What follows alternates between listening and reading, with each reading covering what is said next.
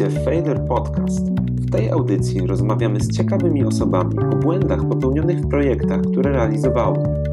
Naszym celem jest przedstawienie historii, które pozwolą innym przedsiębiorcom unikać powielania złych działań lub decyzji.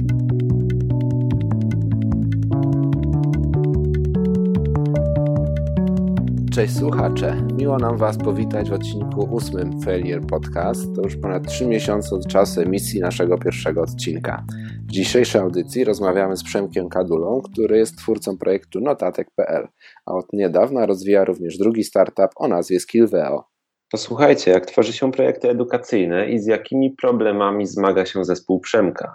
Zapraszamy Was do wysłuchania dzisiejszej audycji.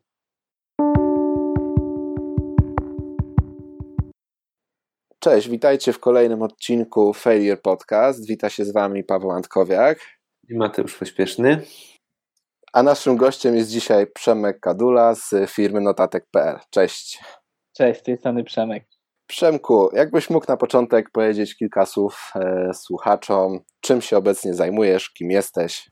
Słuchajcie, jestem przedsiębiorcą. E, obecnie prowadzę swoją firmę, którą założyłem w 2011 roku. Firma, którą prowadzę, ma dwa produkty. Pierwszym z nich jest notatek.pl, czyli serwis, który e, jest, jest jakby dedykowany studentom. Serwis, który zgromadził największą bazę materiałów edukacyjnych dla studentów e, w naszym kraju. E, tymi materiałami są notatki z zajęć, są kursy wideo, są testy, które udostępniamy studentom za darmo. Serwis utrzymuje się ze współpracy z pracodawcami, którzy jakby chcą docierać do naszych użytkowników, więc jakby mają taką możliwość, plus e, jesteśmy w stanie kontekstowo bardzo mocno dobierać e, treści rekrutacyjne czy employer brandingowe do tych materiałów, z których studenci się uczą. E, co jeszcze? No i od niedawna mamy nowy produkt, który nazywa się Skillveo. Skillveo jest platformą, w której mamy zgromadzone ponad 74 kursy wideo, o tematyce biznesowej i Skillvo ma umożliwić pracodawcom szkolenie i rozwijanie swoich pracowników w sposób efektywny kosztowo, elastyczny oraz mierzalny. Wow. Krótko, konkretnie, ciężko aż yy, zadać jakieś pytanie doprecyzowujące, bo dosyć jasno odpowiedziałeś. Jakbyś mógł dodać jeszcze, jaka jest wasza skala działania w kontekście notatka? Ile jest użytkowników z takich rzeczy, które możesz zdradzić, żeby pokazać skalę waszej działalności? Okej, okay. użytkowników y, mamy do 700 tysięcy miesięcznie. Y, wiadomo, że zależy od miesiąca. Jakby najlepsze są miesiące, których jest sesja, styczeń, czerwiec. Natomiast mamy ruch właściwie przez cały rok. Jakby te miesiące, w których sesji nie ma, są trochę słabsze, tego 30%.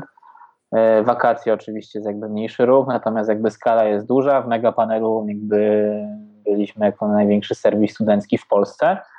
E, użytkowników zarejestrowanych mamy 300 tysięcy. E, co jeszcze? Ponad 100 tysięcy materiałów w bazie, więc jakby jesteśmy serwisem, który dociera właściwie do połowy studentów w Polsce. Wrócimy jeszcze za chwilę do tematów związanych z projektami, z notatkiem i ze Skillbeo, a chciałbym jeszcze zadać takie jedno kluczowe pytanie, które zadajemy każdemu naszemu rozmówcy. Czym dla Ciebie jest porażka w kontekście przedsiębiorczości i projektów startupowych? E, to jest dobre pytanie. Natomiast e, wydaje mi się, że mm, porażka jest wtedy, kiedy ty prowadząc jakiś projekt przestajesz się rozwijać na przykład wiele osób, wiecie, jakby notatka prowadzę dość długo, nie? No, bo ja go za, zacząłem prowadzić na studiach w 2009 roku, tak bardzo hobbystycznie wtedy i na, na zasadzie zajawki, tak, no bo miałem taką potrzebę, że nie miałem notatek, więc jakby chciałem stworzyć coś, co to jakby ten problem rozwiąże. Natomiast e, niemniej jednak e, prowadzę projekt 7 lat, więc jest to dość długo chyba jak na statystycznego przedsiębiorcę czy, czy startupowca internetowego. Natomiast y, jakby głównym takim moim motywatorem jest to, że cały czas się rozwijam, cały czas mam nowe sytuacje i w sumie to mnie jakby najbardziej gdzieś tam motywuje, więc to byłby fail, gdybym się nie rozwijał, a, a, robił projekt. Drugą rzeczą jest to, że wydaje mi się, że failem jest wtedy, kiedy twój projekt się nie rozwija, czy produkt, tak? W sensie, że jakby, nie wiem, odcinasz tylko kupony z tego, czyli tak też można, tak? Natomiast chciałbym jakby, żeby produkty, które tworzę, tworzy moja firma, wnosiły coraz większą wartość e, i rozwijały się, szła, szły jakby za potrzebami użytkowników e, i, i na pewno nie chciałbym właśnie stać w miejscu e, i nie chciałbym, żeby nasze produkty stały w miejscu, Zresztą jest to też zapisane w naszych wartościach w firmie. Tak jak mówię, no, że mam takie swoje przemyślenie gdzieś tam z mojego doświadczenia, że e, gdzieś tam przez długi okres czasu bardziej robiłem firmę i produkty i działałem bardziej tak, żeby gdzieś tam zaimponować inwestorom, czy zadowolić ich i jakąś tam wizję e, inwestorów zrealizować. Mniej ufałem sobie i swojej intuicji. To nieraz gdzieś tam mam wrażenie, że e, nie za dobrze działało, tak? I, i finalnie, finalnie gdzieś tam podejmowałem decyzje, które chyba nie były najlepsze. Finalnie, jeżeli będzie sukces, czyli, czyli gdzieś tam produkt będzie wnosił wartość i e, ludzie za tą wartość będą chcieli płacić, to wydaje mi się, że wszyscy będą zadowoleni. Okej, okay, rozumiem. Myślę, że zaraz możemy do tego wrócić. A za, w tym momencie chciałbym nawiązać do tego, co powiedziałeś w trakcie, e, bo powiedziałeś, że tak naprawdę notatek powstał z poniekąd z, twoich, z Twojej własnej potrzeby. Potrzebowałeś notatek, więc rozwiązywałeś swój problem, właściwie podręcznikowe tworzenie startupu. Mógłbyś powiedzieć więcej, jak wyglądały początki, gdy wpadłeś na ten pomysł jak zacząłeś go realizować? Tak, no jakby no, to jest klasyk, jakby pomysł zrodził się z potrzeby. E, na początku, wiecie, ja wtedy jakby w ogóle nie, nie wiedziałem o co chodzi w internecie, nie wiedziałem o co chodzi w prowadzeniu biznesu, firmy, więc jakby to były w ogóle takie strasznie amatorskie rzeczy. Natomiast zacząłem z kolegą e, z liceum, on był programistą, zresztą nadal jest programistą i z nim próbowaliśmy wytworzyć pierwszą wersję serwisu. To się nie udało, e, więc jakby skorzystałem z usług firmy, która była agencją interaktywną. Właściciel tej firmy potem jakby dołączył, wszedł na pokład i też był jakby wspólnikiem w firmie i uwierzył w ten biznes. No i przez jakieś trzy lata robiliśmy go razem. Potem e, nasze drogi się rozeszły i ten biznes realizuję. Jakby ja jestem osobą, która jest e, founderem biznesu, jestem też w zarządzie e, i, i zarządzam tym, tym, tą spółką, tym, tym biznesem. Okej, okay. jak duży jest was, wasz zespół w obecnej chwili? W tym momencie to jest 8 osób. Okej, okay. i możesz powiedzieć coś więcej, jak jesteście podzieleni kompetencjami? Wiesz co, jakby my przeszliśmy teraz dużą zmianę jakby w strukturze i Czekamy na 1 maja, kiedy dołączy do nas e, Rafał. E, I w związku z tym, że mamy dwa produkty, e, rozdzielamy te zespoły. Każdy zespół ma mocnego lidera, który odpowiada za to, żeby jakby ten dany produkt był, był dochodowy, żeby działa się sprzedaż, żeby się rozwijał, żeby, żeby to się spinało. No i to, jakby to są dwie osoby. Mamy już jedną osobę na pokładzie od 11 stycznia, jakby z nami jest i ona zarządza tematem Skillveo natomiast e, czekamy na drugą osobę, która wskoczy na pokład e, i, i będzie zarządzać notatkiem. E, więc strukturę teraz układamy tak, że jakby udało nam się zrekrutować bardzo wartościowe osoby, które są mocnymi liderami, mocnymi menedżerami, o takim nastawieniu na sprzedaż i jakby prowadzenie firmy takiej, która zarabia i wnosi wartość. No i oni generalnie budują ze swoje zespoły My z Adamem, czyli CTO naszej firmy, Adam czuwa nad ich produktami, wspiera ich, żeby te produkty się rozwijały. Ja odpowiadam za strategię rozwoju całej spółki, za kontakty z inwestorami, za kluczowe rekrutacje e, i za to, żeby spółka miała zasoby, czy to finansowe, ludzkie, czy wiedzowe, żeby realizować swoją wizję. Także ta struktura będzie teraz tak pokładana, że będzie zarząd, którym będę ja i Adam, czyli CTO i będą też liderzy biznesu, nazywamy ich dyrektorami operacyjnymi, którzy będą prowadzić oba produkty e, i prowadzić swoje zespoły. Jakbyśmy wrócili jeszcze do początków notatka i całej, całej drogi, którą musieliście przejść, żeby znaleźć się tu, e, gdzie teraz, to jakie były problemy czy jakieś e, niepowodzenia, które musieliście po drodze zaliczyć, gdzie musieliście się potknąć, aby znaleźć tą właściwą drogę do, e, do wybudowania notatka tak, jaką teraz funkcjonuje, e, z takimi wynikami, jakie ma teraz? Wiesz co, no jakby problemów było dużo. Zaczynaliśmy jak ta, ta cała branża internetowa czy startupowa, ona była dużo mniej rozwinięta, więc było jakby nie było takiego dostępu do wiedzy o tym, jak rozwijać produkty internetowe. Więc wszystko robiliśmy na zasadzie prób i błędów, popełnialiśmy tych błędów masę. E, więc dlatego też tyle to trwało, tak, że jak się uczysz na swoich błędach, to trochę to trwa jednak. E, drugim prozaiczną rzeczą było to, że jakby firma bardzo długo borykała się z problemami finansowymi. temat notatek nie jest taki oczywisty. My w pewien sposób musieliśmy wykreować rynek, tak? Musieliśmy wymyślić, w jaki sposób ta firma ma zarabiać, a testowaliśmy różne modele biznesowe. No i finalnie zauważyliśmy, że jakby temat nauki na studiach oraz potem pracy e, bardzo się łączy, tak? No bo jakby młodzi ludzie idą na studia po to, żeby potem głównie jakby zdobyć fajny zawód, e, fajną pracę i, i fajnie żyć. I, I, widzimy, że w momencie, kiedy ktoś się u nas uczy rachunkowości, a my mu na przykład pokażemy treść rekrutacyjną od, od, od, od firmy, od pracodawcy, który jest z tego miasta, poszukuje ludzi, którzy orientują się w rachunkowości, um, to jest bardzo fajne. To jest taka nienachalna rekrutacja, tak? Plus dajemy możliwość pracodawcom takiego aktywnego wyjścia do ludzi w miejscu, w którym oni są jakby z produktu, z którego korzystają. Natomiast jakby długo to nam zajęło do tego modelu dojść e, i, i długo nam też zajęło do tego, żeby pracodawcy w ogóle skumali, dlaczego oni mają być w serwisie z materiałami dla studentów, tak? E, przecież jakby są jobboardy, w których wieszamy ogłoszenia o pracę. Natomiast e, no, idzie niż demograficzny, już jest niż demograficzny, jest rynek pracownika, jeszcze długo będzie rynek pracownika, ta sytuacja będzie jakby coraz bardziej się pogłębiać, tak? będzie coraz mniej studentów, a coraz większy popyt na, na pracowników, szczególnie tych mądrych, wykwalifikowanych, ambitnych i posiadających tam takie zawody jak, e, nie wiem, programista albo znających języki obce. No i wiecie, to, to jakby uważam, że w przyszłości to nie będzie tak, że ci ludzie będą gdzieś tam szukać pracy, po prostu oni ją będą mieli, pracę jak będzie znajdować, tak? I uważam, że warto komunikować do nich, wychodzić do nich w miejscach, w których są. Jakby niekoniecznie najzdolniejsze osoby będą na jobboardach, tak? No bo przecież będą miały pracę. E, dlatego uważam, że takie osoby zawsze będą się rozwijać i zawsze będą szukały wiedzy i w ten sposób działamy. No i to jest ten nasz model, który gdzieś tam długo nam zajęło, żeby go wypracować, no i też, żeby rynek go zrozumiał. Zresztą cały czas go gdzieś tam komunikujemy, tłumaczymy, bo to jest dużo mniej oczywiste niż wystawienie ogłoszenia gdzieś na jakimś serwisie e, typu jobboard. Czyli problemy finansowe poniekąd wynikały z tego, że musieliście najpierw przeprowadzić edukację rynku, wytłumaczyć potencjalnym waszym e, partnerom, jak mogą skorzystać na współpracy z notatek. Tak, jakby no, problemy wynikały z tego, że na początku w ogóle nic nie wiedzieliśmy, nie wiedzieliśmy na czym chcemy zarabiać, więc to były takie też szarpane akcje.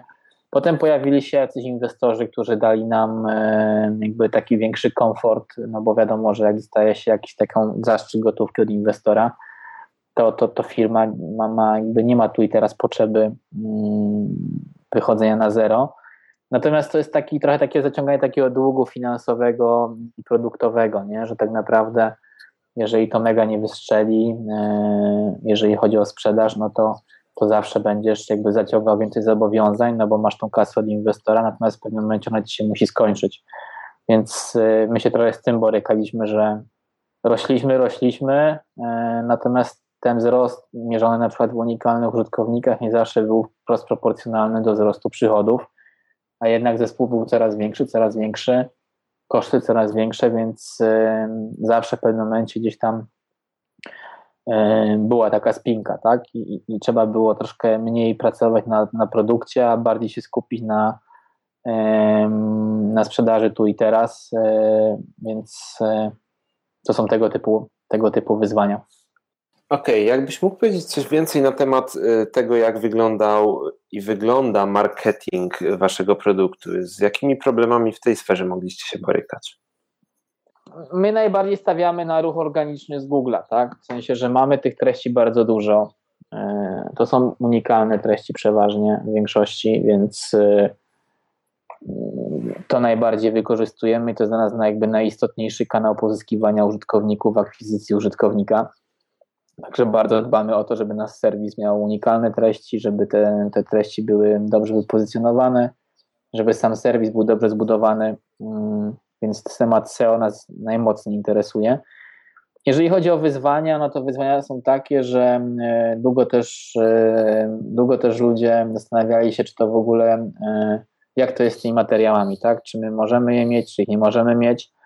Natomiast jakby w pewnym momencie wprowadziliśmy systemy antyplagiatowe w serwisie, które każdą notatkę, która do nas wpływa, patrzą, czy nie ma ich na jakiejś innej stronie, patrzą, czy nie ma ich w naszej bazie, potem sprawdza taką notatkę osoba, żyjąca osoba, żywa osoba i, i jakby bardzo mocno patrzymy, czy notatki są po prostu jakościowe i czy, czy nie, nie łamią niczyich praw autorskich. Dopiero potem lądują w naszym serwisie. Opracowaliśmy też politykę jakby rozpatrywania gdzieś tam jakichś e, wniosków o to, że te, jakiś materiał może łamać prawa autorskie, więc on jest automatycznie zawieszany. E, taka osoba, która zgłasza taką informację, potem jakby musi nam wysłać jakby dowód na to, że rzeczywiście to jest jej materiał. No i oczywiście, jeżeli tak jest, no to bez gadania, bez, bez żadnych wątpliwości usuwamy taki materiał. No i tutaj też marketingowo długo to, e, długo to e, musieliśmy tłumaczyć, natomiast udało nam się to wypracować i wydaje mi się, że mamy gdzieś tam to wszystko rozkminione lepiej niż jeden serwis, który opiera się o content. No i ostatnią rzeczą jest to, że co roku przychodzą nowi studenci, także yy, jednak, jednak trzeba, trzeba yy, też o tym myśleć, żeby ci, ci ludzie, którzy są na pierwszym roku, dowiedzieli się nas. Czyli co rok nowa praca od podstaw. Tak. A powiedz mi, bo wspomniałeś właśnie jako serwis budowany, serwis oparty o content. Bardzo wiele projektów ma z tym jednak problem, że e, z jednej strony trzeba pozyskiwać osoby, które są zainteresowane korzystaniem z tego kontentu, z drugiej strony osoby, które generują ten content. Jak wyglądał ten wasz proces pozyskiwania tego kontentu? Jak pozyskujecie notatki od studentów? Dlaczego oni mają chcieć je tam załadować? Wiecie co, no są różne motywacje studentów do tego, żeby uploadować, uploadować treści. To jest tak, jakbyśmy, jakbyście mnie zapytali, dlaczego studenci się dzielą normalnie na studiach notatkami. A dzielą się, prawda? No jakby są jakieś grupy na Facebooku, są maile e, grupowe czy, czy, czy Google Drive. E, więc jakby motywacja jest podobna, tak? Natomiast e, ciężko jest zbudować dużą bazę kontentu, nie wychodząc do ludzi e, i nie rozmawiając z nimi, nie promując swojej idei. Także my mieliśmy różne jakby akcje. No, mieliśmy konkursy, mieliśmy jakieś zespoły ambasadorów, no, jakby promocje przez internecie jakby do studentów i to z różnych gdzieś tam źródeł e, ta baza się budowała.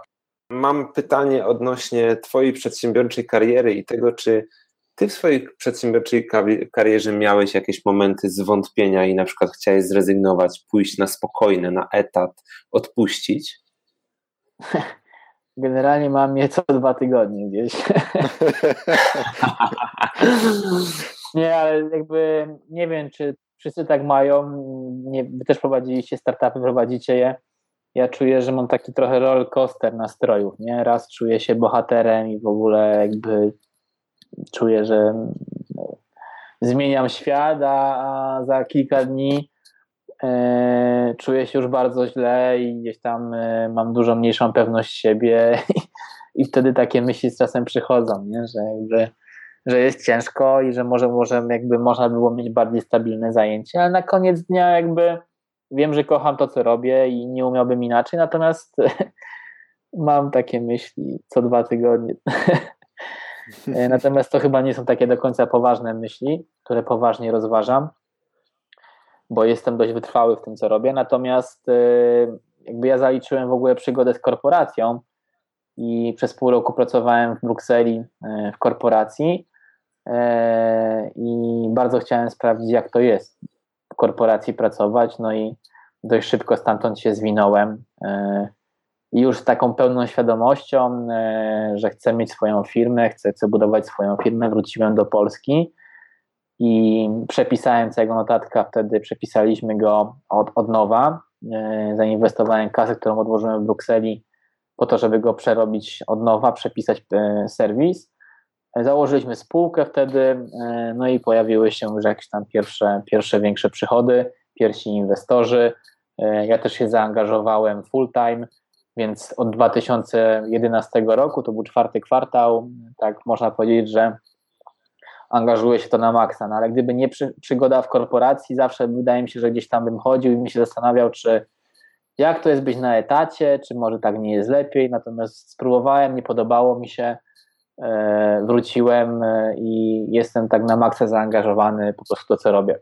Z takim już pełnym spokojem, że wiem, że chcę to robić, mam już inne doświadczenia, nie podobało mi się, i, i to, jest taki, to jest taki duży wewnętrzny spokój, który teraz mam, aczkolwiek są trudne momenty, gdzie sobie myślę, że czasem jest zbyt trudno i czy może nie, nie, nie, nie, nie, nie, nie Ciepłą posadkę. No, ciepła posadka. Natomiast wiem, że po, po, po miesiącu na ciepłej posadce, jakimś takim małym wpływie na to, nad czym pracuję, no nie byłbym za bardzo szczęśliwy. Także takie myśli się pojawiają, ale one są teraz bardziej takim trochę, wiecie, wyrazem tego, że jest ciężko, tak? Natomiast już tak na poważnie raczej o tym nie myślę. Jasne, czyli zbierałeś doświadczenie głównie działając samodzielnie, bo nie, w, e, nie na etacie, tam króciutki epizod. Jakbyś mógł tak szerzej powiedzieć, jak byś nazwał te miejsca, w których zbierałeś doświadczenie, tak? Wiadomo, własny projekt, prowadzenie e, zespołu, natomiast co dało ci najwięcej wiedzy, co ci najwięcej nauczyło, co mógłbyś polecić młodym osobom, które dopiero wchodzą na ścieżkę zakładania własnej firmy? Myślę, co, jakby ja generalnie uczę się głównie tak, że jakby przez działanie, w sensie jakoś tak mam, że kiepsko mi wchodzą książki, czytanie o tym, jak prowadzić firmę. Raczej uczę się po prostu metodą prób i błędów i taka nauka najbardziej mi się podoba i też widzę, że w moim przypadku jest najbardziej efektowna. E efektowna, efektywna. efektowna też może być czasem, natomiast bardziej mi chodzi o efektywność. E więc głównie tak się uczę. Natomiast od pewnego czasu, kiedy mamy taką możliwość, pomagają nam też mentorzy i to fajnie dość działa według mnie w takich firmach jak, jak nasza, że zespół jest młody, zespół jest e, dynamiczny, zespół chce się rozwijać, niekoniecznie ma dużą wiedzę o tym, jak prowadzić firmę, czy, czy, czy, czy ma jakieś ogromne doświadczenie, natomiast e, możemy sobie teraz pozwolić na to, żeby korzystać z usług e, osób, które są już w biznesie przez kilkanaście, kilkadziesiąt lat i po prostu mentorują nas, tak, e, w różnych obszarach, e, które są ważne w firmie. Są to albo osoby, które po prostu zatrudniamy na takie jakby, nie wiem, projekty konsultacyjne, tak, albo są to mhm. osoby, które są powiązane z naszymi inwestorami i mamy dzięki temu do nich dostęp, a że mamy na pokładzie takie, takie firmy jak Benefit Systems czy Hedgehog Fund, który został założony przez założycieli Pracuj.pl, to, yy, to gdzieś tam daje nam bardzo fajną możliwość dotarcia do ludzi, którzy osiągnęli naprawdę bardzo duże rzeczy w biznesie yy, i, i w ramach tam możliwości czasowych yy, swoich mogą nam jakoś coś podoradzać przymentorować nas. Więc jakby staram się, żeby naszą firmę, gdzieś tam wokół nas była grupa ludzi, którzy e, są mocni w danych tematach i pomagali naszemu zespołowi swoją wiedzą. Także to nam się sprawdza, że są młode osoby, które są aktywne, które są takie jeszcze, jakby wiecie, nie nasiąknięte niczym jak, złymi nawykami, chcą coś zrobić, mają energię, a osoby doświadczone dają nam taką właśnie wiedzę wynikającą z tych lat, e, które w biznesie spędziły E, wiadomo, że na takie osoby nie, nie stać żeby pracowały u nas full time, więc to na zasadzie projektów, albo tak jak mówię, na zasadzie takiej, że to są po prostu osoby, które są kapitałowo z nami powiązane, czy tam ich, ich firmy. Okej, okay, czyli podsumowując, nauka od osób, które mają większą doświadczenie w takim modelu, działasz, sprawdzamy i, i jakby kontrolujemy to, co, czy kierunek, który jest obrany, jest sensowny. Tak, no tak, żeby możliwie jakby jak najwięcej takich oczywistych błędów uniknąć, tak? E, które są często bardzo kosztowne czy czasochłonne, a takie osoby ci od razu powiedzą, e, że to nie jest najlepszy pomysł. Oprócz notatka realizujesz również Skillveo. Jakbyś mógł troszkę szerzej opowiedzieć, skąd się wziął pomysł i jakie są Wasze dalsze plany na rozwój tego projektu? Tak, tak, tak. E, słuchajcie, pomysł na Skrivo, e, ja na ten pomysł padłem w 2014 chyba, tak. Wtedy pojechałem do Stanów, do San Francisco. Mm, prowadziliśmy rozmowy z takim amerykańskim notatkiem o współpracy wtedy. Natomiast przy okazji tego wyjazdu, e, przy okazji tego wyjazdu nasi inwestorzy pomogli nam, pomogli mi w ogóle odbyć kilka naprawdę ciekawych spotkań tam w San Francisco. I takim bardzo ciekawym spotkaniem, które właśnie mnie zainspirowało do tego, żeby tworzyć, e, tworzyć produkt edukacyjny oparty o content wideo, było spotkanie z CEO Udemy, Denisem.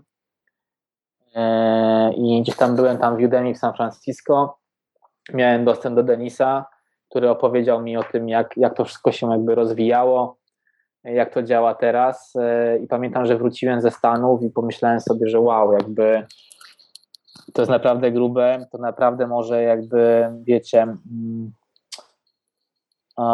zasypać tą taką lukę, którą zostawiają uczelnie wyższe, prawda? No bo jednak umówmy się, e, uczelnie wyższe mm, realizują jakby swoje tam cele, misje i tak dalej, natomiast e, jednak dość spory procent ludzi nie jest przystosowany do rynku pracy później, tak? w Polsce 53% młodych ludzi albo nie ma pracy od razu po studiach, albo nie pracuje zgodnie z kierunkiem studiów, które skończyło. Plus technologia bardzo mocno jakby zmienia świat, tak? I każdą gdzieś tam branżę, każdy biznes dotyka mocno, no i często mam wrażenie, że uczelnie nie nadążają za tym, co się dzieje na świecie, nie? Na przykład, nie wiem, mm, Facebook albo Apple wypuszczają nowy język programowania, no to zanim on się pojawi na, na jakiejś uczelni, no to miną pewnie lata, tak? Natomiast w internecie on jest po tygodniu, już pierwsze kursy, także to jest bardzo mocno elastyczne. Każdy ma do tego równy dostęp, czy mieszka w Polsce, czy w Stanach, czy w Bangladeszu, ma możliwość gdzieś tam korzystania z tej wiedzy, więc to nie jest tak, że jakieś miejsca na świecie są jakby uprzywilejowane i, i te, te rzeczy, które tam są gdzieś tam uczone, one są bardzo mocno aktualne i bardzo mocno na czasie. E, I mam wrażenie, że to jest przyszłość edukacji Oczywiście uczelnie będą i dobrze, że będą, natomiast y, wydaje mi się, że nie będą już miały wyłączności na kształcenie ludzi. E, I w sumie jakby tak chciałbym, żeby było, żeby uczelnie nie miały wyłączności, tylko żeby były alternatywne gdzieś tam dla pozyskiwania wiedzy. Głównie mam wrażenie, że one będą właśnie w internecie.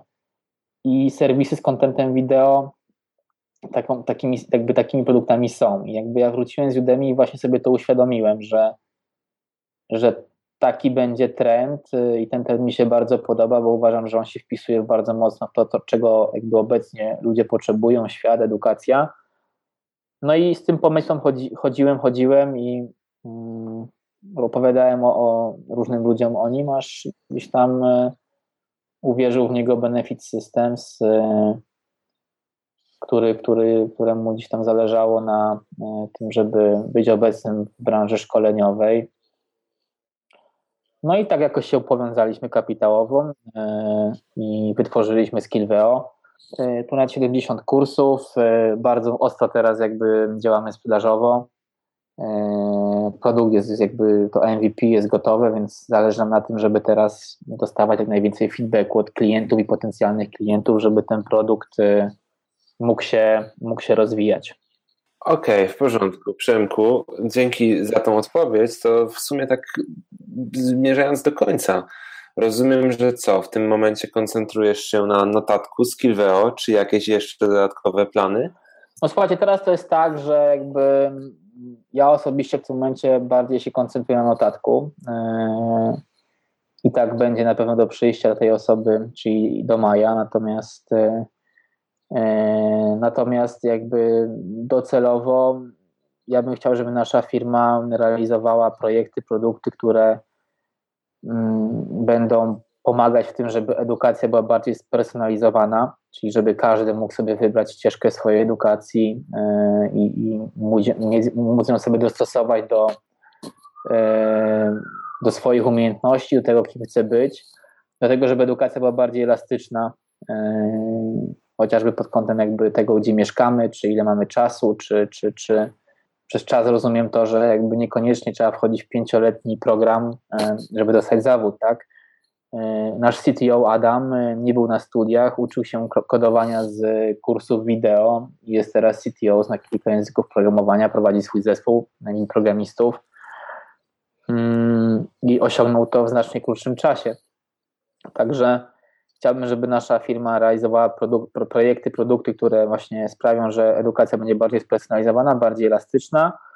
Chciałbym, żebyśmy realizowali projekty, które będą sprawiać, że wszyscy będą mieć równy dostęp do, do wiedzy, do aktualnej wiedzy.